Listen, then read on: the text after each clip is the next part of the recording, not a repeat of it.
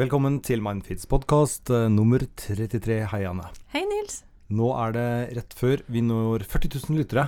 Og det er jo kjempebra. Og vi skal ha kake når vi når 50. Ja, det skal vi ha. Da skal vi feire. Det skal være verdens beste kake. Den Åfjordskaken, tror jeg.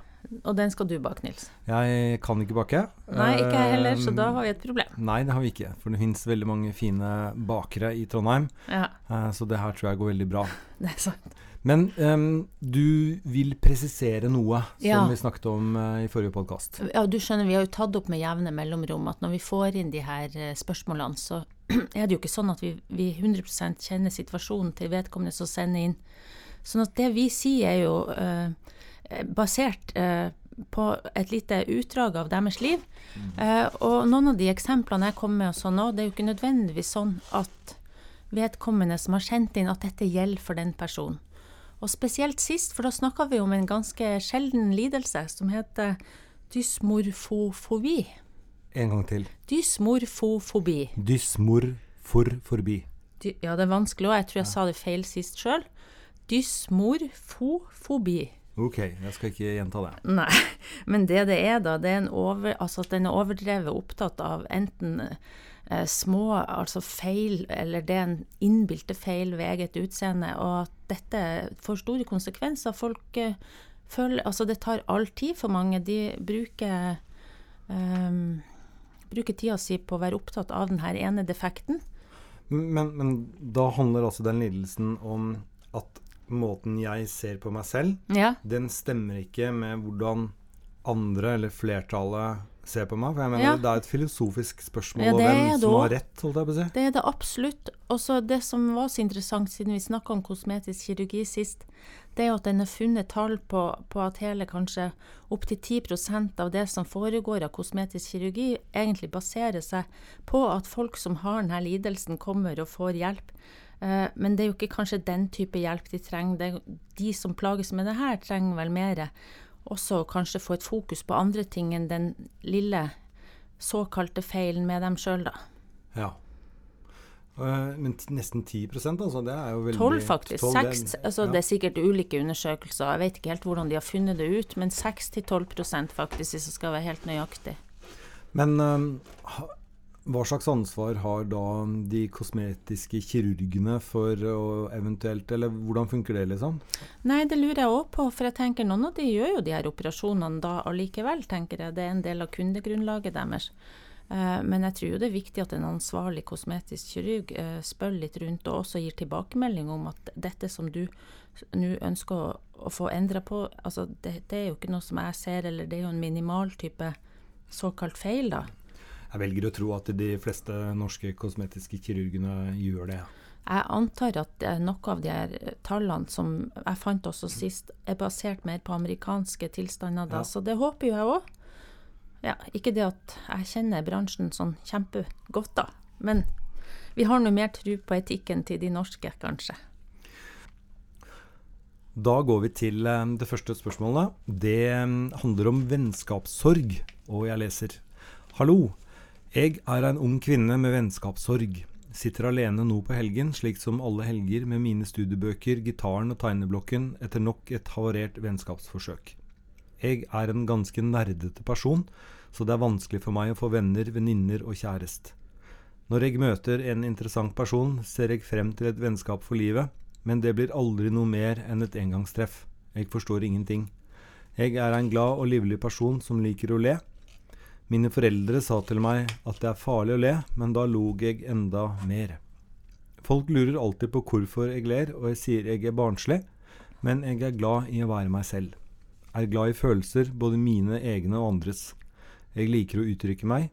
Dessuten er jeg en følsom, kreativ og veldig kosete person. Min far hatet det at jeg var kosete som spedbarn, har han sagt til meg. Jeg har studert psykologi og andre ting, liker å lære meg ting. Jeg synes selv jeg er en interessant person, og de jeg møter sier det samme. De sier jeg er intelligent, interessant, livlig, direkte, litt skummel, snill, veldig naturlig, og at jeg er meg selv, men at jeg òg er rar. Mange gode komplimenter, så hvorfor forsvinner de etter et møte? Dette er altså ukjente nye mennesker, men de hopper rett inn og det føles som om vi har vært venner lenge. De har lyst til å synge og spille med meg, backpacke med meg, diskutere psykologi, reise på helgetur, starte kunstprosjekt og alt mulig de vil ha meg med på. Det er de som kommer med forslagene, ikke jeg selv. Jeg er veldig glad over å ha møtt en likesinnet og ser frem til å treffes igjen, og ingenting av dette blir altså noe av. Treffer jeg på det igjen, hilser ikke på meg. Sender jeg melding, får jeg ikke svar, og jeg sitter igjen med et stort spørsmålstegn. Hva er dette for noe? Hvorfor blir det slik? Dette er folk jeg møter i virkeligheten, ikke på nettet. Jeg er alltid like optimistisk. Når et vennskapsforsøk krasjer, tar det ikke lang tid før jeg reiser meg, børster støv av hatten og er klar for neste forsøk, om det dukker opp noen som virker interessant. Litt om min bakgrunn. Jeg har en rar familie. Min mor har aldri villet prate med meg. Hun er livredd følelser, altså helt motsatt av meg men hun er en veldig snill person. Min søster har jeg god kontakt med, selv om vi er veldig ulike og hun har giftet seg og flyttet. Min far og bror har aldri likt meg, og som barn truet de meg med at de skulle stenge meg inne og ødelegge mitt liv. Tenk å være slik som deg, sa de. Jeg er skoleflink, veldig orientert, eh, veldig ordentlig av meg, jeg laget mye kunst og andre ting, men min far kastet alt og kalte det for drit. Har ikke drukket alkohol eller festet, må være den snilleste tenåringen som noensinne har levd. Er ingen rebell, men gikk alltid mine egne veier og fikk høre av lærere og elever at jeg var en rar person. Jeg er sikkert litt merkelig, men trives med meg selv. Ja. Vet du, dette spørsmålet har dessverre ligget lenge. Jeg har tenkt en del over hvordan vi skal svare på det her, faktisk. Eh, og så når jeg tok det opp igjen i dag før sendinga og leste det, så var det ett ord som slo meg. Og det, eh, altså på fint språk så heter det resiliens, eh, og det er såkalt motstandskraft. For hele dette innlegget gjennomsyres av det, syns jeg. Altså Med motstandskraft så, så, menes det egenskaper ved deg sjøl som, som, på et vis gjør at, at, når du er i dårlige betingelser, så allikevel så får du med deg en slags kraft som gjør at du overlever på en måte som blir til noe positivt for deg, da. Men uh, det første jeg tenkte på når jeg leste det her, mm. er liksom at hun hørtes jo altså Er det en kvinne? Det tror jeg. Ja, det er noen kvinne. Ja. Hun hørtes så utrolig kul ut. Ja, ikke sant? Det er liksom nummer én. Ja. Men altså det hun sier, er jo at det, det første møtet med henne, ja. så um, er, vil veldig mange mennesker um, snakke med henne, hun er morsom og sånn, og så skjer det et eller annet som gjør at ikke de vil komme inn uh, eller treffe henne igjen. Det må vi òg snakke litt om. Og hva er det? Det har hun ikke beskrevet så godt. Nei. Men hva kan det være? Det er, jo, det er det som er på en måte en av nøklene her. Mm, det kan du også si. Før jeg går inn på det, jeg da, så vil jeg si at uh, grunnen til at jeg tar frem det her med motstandskraft, det handler om det å si om uh, særlig faren og broren sin, uh, som tydeligvis har kritisert henne veldig mye. også det hun beskriver fra skoletida si, med kritikk og det at hun ble stempla som rar på det det høres ut for meg som en negativ måte, mens hun sjøl har valgt å definere det som noe positivt, og det syns jeg er så fint. at hun, mm. For det, det, hjelper jo ingenting hvis hun skal ta inn alle de her negative merkelappene og leve livet ut ifra dem. Altså, det er jo ingen måte å altså komme seg videre på. Folk blir jo slått i bakken hvis de hele tida skal ta inn det her og tenke at sånn er det, det stemmer. Så jeg er så glad for at hun har den motstanden i seg. Uh, og jeg får òg en følelse av at kanskje noen har vært der og sett og Hun snakker jo om en, en snill mor og en søster hun har et godt forhold til. Mm. Uh, så jeg tenker det er også en viktig bit i motstandskraft, og da er vi inne på det her med å være alene. Altså det å ha noen som ser deg og bryr seg. Uh, og, og, så er det det neste spørsmålet ditt. Altså hvorfor? Hvorfor? Jeg, jeg, klarer, jeg tror det er det som har gjort at, at jeg har grubla litt på hvordan vi skal svare på det her òg. Fordi det er så lite Jeg får så lite tak på hvorfor de ikke vil, vil fortsette å ha kontakt med henne, egentlig. Nei, det, og det blir jo bare sånn spekulasjon her. Ja. Eh, det er nesten sånn hvis du hører på uh, ung kvinne som har sendt inn dette her, så, så, er det nummer én at du har denne resilience, altså motstandskraften. Det er vel en, en kilde til et langt og godt liv, egentlig. Så ja. det, det, skal du være veldig glad for at du har. Men hva er det som skjer etter at du har truffet mennesker med en gang? For da er det noe fint som skjer. Men så beskriver du at uh, det andre møtet, da skjer det et eller annet ja. som gjør at de ikke vil ha det andre møtet. Jeg tenker på det hun sa om at hun er rar, da. Jeg setter, det, vi har jo ikke, det vises ikke, men det blir litt sånn Du må jo sette en apostrof på det, da. Men hun sier jo det sjøl, hun skiller seg ut på et eller annet vis. Og det må jo være noe av det her med oss som gjør at folk syns det er så spennende å møte henne. Så, så er jo spørsmålet da om, om, det å være rar gjør at det er vanskelig å møte likesinnede, da. Sånn at er dette folk som bare tiltrekkes av noe som er litt spennende, og så, og så jeg vet ikke, mister de da interessen? Er det bare er det ikke likesinnede hun har truffet i det hele tatt? Det driver jeg og lurer på. Ja, nei, jeg vet ikke. Det, men eh, Nei, jeg oppfordrer henne til, til, å skrive inn en gang til, ja. Ja, det hadde vært spennende å høre. Eh, for at, vet du hva jeg tenker? Det er noe med å prøve å finne litt ut hva som skjer i de her situasjonene. For det første, i hvilken situasjon møter du folk? Altså, øh, hvem er de òg, øh, sitter jeg og lurer på. Hvilke fora, hvor er det, ikke sant? Er det fora eller situasjoner der det er naturlig å opprettholde en kontakt seinere?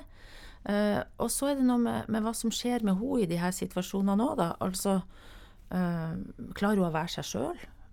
Eller blir hun også stressa av at hun gang på gang har opplevd at det ikke blir til noe, til noe mer seinere? Det er jo ting en må tenke litt på. Jeg har en venninne som uh, Nå skal du hoste, vær så god. Jeg måtte det. Men jeg har en venninne, uh, og hun er veldig smart og veldig morsom. og hun Men hun er rar. Uh, og det som kan skje noen ganger med henne, er, er at eh, på det første møtet så er hun veldig åpen, og alt er fint. Men når hun får noen å snakke med, så er det akkurat som en sånn snøball har begynt å rulle, som ja. blir bare rarere og rarere og mer og mer crazy. Ja. Eh, ak akkurat som hun har lyst til at uh, de ikke skal uh, treffe henne igjen. Altså Det blir en slags sånn selvoppfyllende profeti. Det er spennende at du sier, for dette er jo vi er opptatt av i psykologien. Den litt selvoppfyllende profetien. Hva skjer med deg når du har en litt negativ forventning òg til hva som skal skje i møte med andre? Altså Skrur du deg opp på en måte som gjør at du sjøl ikke klarer å være deg sjøl òg? Altså, blir du mer av det som er det som er spennende med deg, men kanskje det blir så stort og intenst der og da at, at du også sjøl kjenner at oi, nå ble det nesten aldeles for mye, og det kjenner jo den andre òg. Mm. Sier ikke at det er sånn med ung kvinne, men Nei, absolutt ikke. det kan være det. Men uh, Motstandskraften din den eh, skal du være glad for. Det er uh, kjempefint. Og igjen, uh, når jeg leste dette innlegget, så syns jeg bare du hørtes utrolig kul ut. Men skriv gjerne inn hva som skjer mellom første og andre møte, for der er det et eller annet mystisk. Det har vi veldig lyst til å høre. Og så hadde det jo vært spennende. altså En måte å utforske det her på Hadde du vært og spurt noen nå, da? Altså, er det ingen å spørre hvordan, hvordan ble jeg oppfatta, hva tenker du, og sånn? Jeg vet ikke hvor lett det er da å spørre andre om det. Men det er også du er veldig forkjølet i dag. Ja, jeg er nødt til å hoste litt her nå. Det går bra hvis du bare snur deg bort fra mikrofonen. Ja. ja. Er, jeg håper ikke jeg tok livet av noen der. Nei, det gjør ikke jeg heller. Jeg tror ikke du, tror ikke du gjorde det. Jeg lever ennå.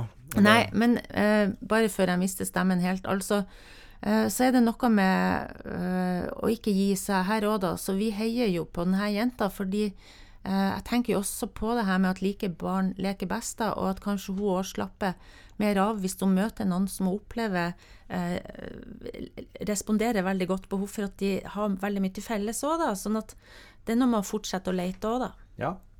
Vi skal over til um, to spørsmål som vi slår sammen til ett. Og jeg leser de to spørsmålene. Jeg går rundt med en angst og bekymring om at andre folk snakker stygt om meg. Jeg har tatt noen valg som kan rettferdiggjøre at noen snakker meg ned, men angsten og bekymringen er tidvis altoppslukende. Jeg har alltid hatt lavt selvbilde og bekymret meg om hva andre mener om meg. Og det andre er jeg sliter tidvis med grubling over feil jeg har begått for lenge siden. Følelser som skam, dårlig samvittighet overfor den jeg sviktet, anger er til stede. Hvordan kan jeg komme ut av denne negative spiralen av negative tankemønstre, og hvordan kan jeg tilgi meg selv for alltid?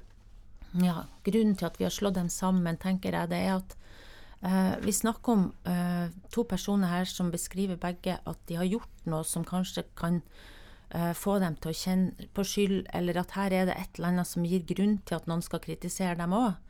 Eh, og så blir det forskjellen mellom det å ha gjort noe eh, faktisk galt, eh, som jeg tenker Det er jo viktig å gjøre opp for seg òg hvis en har gjort noe galt. Men så opplever jeg at dette har gått ut av proposisjoner for begge to, og så går det over til en slags sånn skam nærmest over hvem jeg er. Og det blir jo noe helt annet igjen. Uh, jeg tenker uh, når det gjelder skyld òg, så er det jo alltid Det å få gjort opp for seg er jo ikke alltid mulig heller. Det er ikke sikkert eh, noen av de eh, har den muligheten til å, til å, gjøre det godt igjen. Det kan være lenge siden de, det her har skjedd. Det er inntrykket mitt at det er en god stund siden de her tingene har skjedd. Og da er det jo ikke så lett å å på et vis bli tilgitt nå heller. Og så er det ikke sikkert at den tilgivelsen er tilstrekkelig til å tilgi seg sjøl, da. Uh, og kan, det kan ha gått over i en slags skam over hvem jeg er, altså som går litt sånn mer utover hele seg. Uh, og en slags sånn uh, selvkritikk som har blitt større enn bare den ene handlinga, da. Mm -hmm. Det eneste Altså, vi vet jo ikke om man har på en måte sagt unnskyld, da. Nei.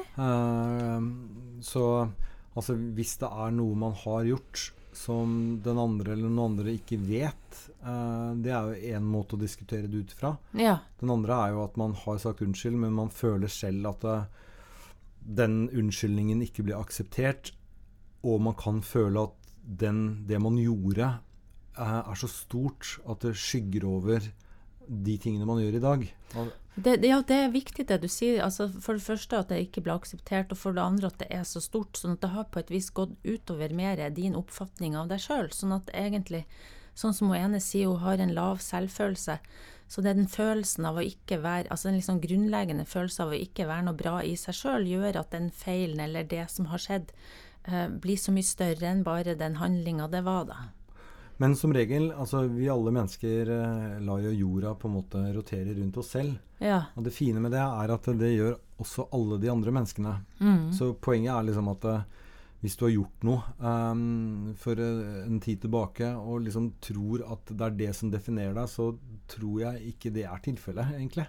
Veldig Nei. ofte. Fordi folk har nok med andre ting. Altså, ting blir glemt. Ja, så jeg tenker og det at ting blir glemt. Og så tenker jeg at hvis, altså, hvis det ikke er mulig å gjøre det opp, eller du har prøvd og det hjalp ikke, så blir det noe med uh, å begynne å snu uh, denne selvforakten til, til, noe positivt. For dette hjelper jo ikke de her to personene noen vei.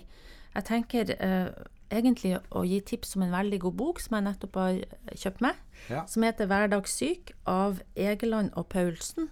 De gir masse tips i forhold til det å jobbe med selvfølelsen, eh, blant annet. Og en av de tingene de eh, var veldig opptatt av der, det var noe som heter selvmedfølelse. Mm. Og det, eh, med det så betyr det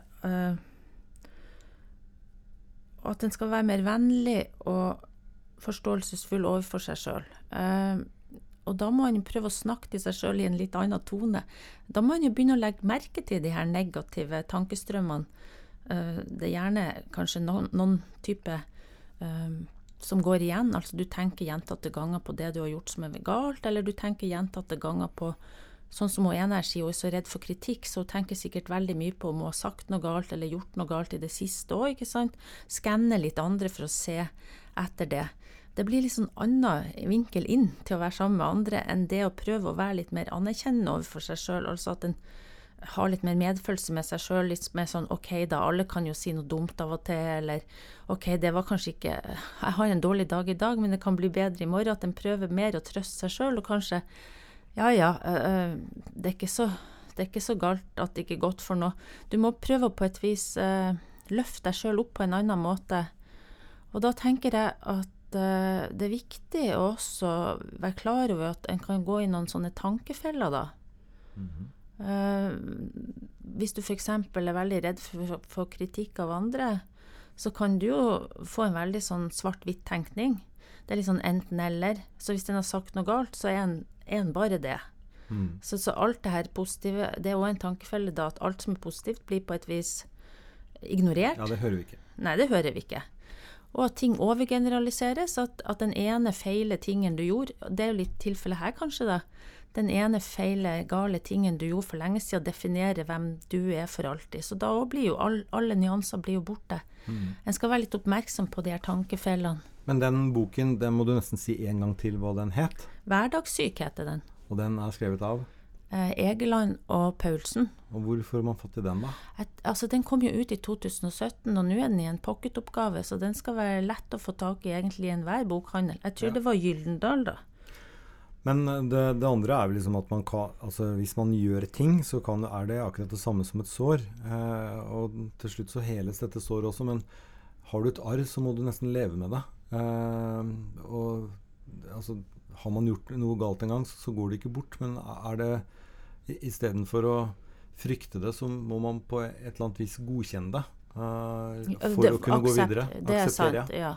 Og så det som er uh, noe som ofte skjer uh, hvis du er veldig uh, nedsylta i at du tenker du har gjort noe galt, eller du, du, er redd for at folk ikke skal like deg på et eller annet vis, det at du kanskje også skam, du har en skam inni deg overfor det òg, så det blir litt sånn hemmelig holdt hvordan du egentlig føler det. Ja. Det kan ende med at du isolerer deg veldig og kanskje tar på en maske mer overfor mm. andre. Og da tenker jeg òg at det er ikke så lett eh, for deg å skjønne helt hvordan andre tenker rundt ting heller, fordi uh, det er mange, mange, som går til meg og sier det. Uh, når vi går gjennom hva de tenker og tror at andre tror om dem, mm. så sier de Oi, men det er vel egentlig bare mine tanker om hva jeg tror de tenker. For de, de, har ikke sjekka så veldig ut, så de har jo bare mer gått inn i seg sjøl. Trukket seg litt tilbake, bare tatt for gitt. At det de tenker om seg sjøl, det tenker sikkert andre òg, fordi de sjøl har en litt sånn grunnleggende Altså det er jo mønster ofte, da. Så du kan ha en sånn liksom grunnleggende, grunnleggende negativ antagelse om deg sjøl, en slags leveregel, egentlig, mm. som ligger i bånn, som i bunn og grunn også handler om hvordan du har blitt uh, eh, behandla. Uh, eh, sånn at du kan ha gått inn i et veldig mønster på at jeg er ikke bra nok. Som handler om at du har blitt kritisert noen ganger, og gjerne som barn, kanskje, så har det satt seg som en sånn grunnleggende leveregel at jeg er jo ikke bra nok. Og da har du de brillene på deg når du ser ut mot verden. Mm. Da kan du få lov til å hoste en siste gang. Ja, jeg skal ikke gjøre det. Jeg tror jeg klarer jeg berger akkurat. Men da kan du oppsummere rådet til disse to når du er ferdig med å hoste. Ja. ja. Det blir litt sånn uh, høstforkjølelse. Det, det, gjør det. Ja. Uh, nei, oppsummere uh, Altså Som sagt, uh, selvomsorg er stikkordet nå. Uh, et råd er å prøve å akseptere seg sjøl litt mer innover, kanskje, men, men ha, ha, bli, løft blikket utover og prøv å legge litt mer merke til om Kanskje du skal prøve å utfordre litt de her antagelsene du har om deg sjøl, og så prøve å legge merke til hva er liksom beviset mitt for at det her er sant. Og hvis ikke du har noen fortrolige å gjøre dette med, så har vi nå da pekt på at det finnes bøker som kan hjelpe. Ja, absolutt bøker. Og som alltid, appen vår Mindfit, der du skal prøve å ha et mer eh, Som baserer seg mye på positiv psykologi, og det å registrere framgang og det du faktisk får til. Og det var det vi rakk i denne utgaven av Mindfits eh, podkast. Vi er tilbake før du aner det. og setter pris på alle spørsmål som kommer inn. Og jeg håper at dere har en eh, fin 14 dager før vi høres igjen. Ha det. Ja, ha det.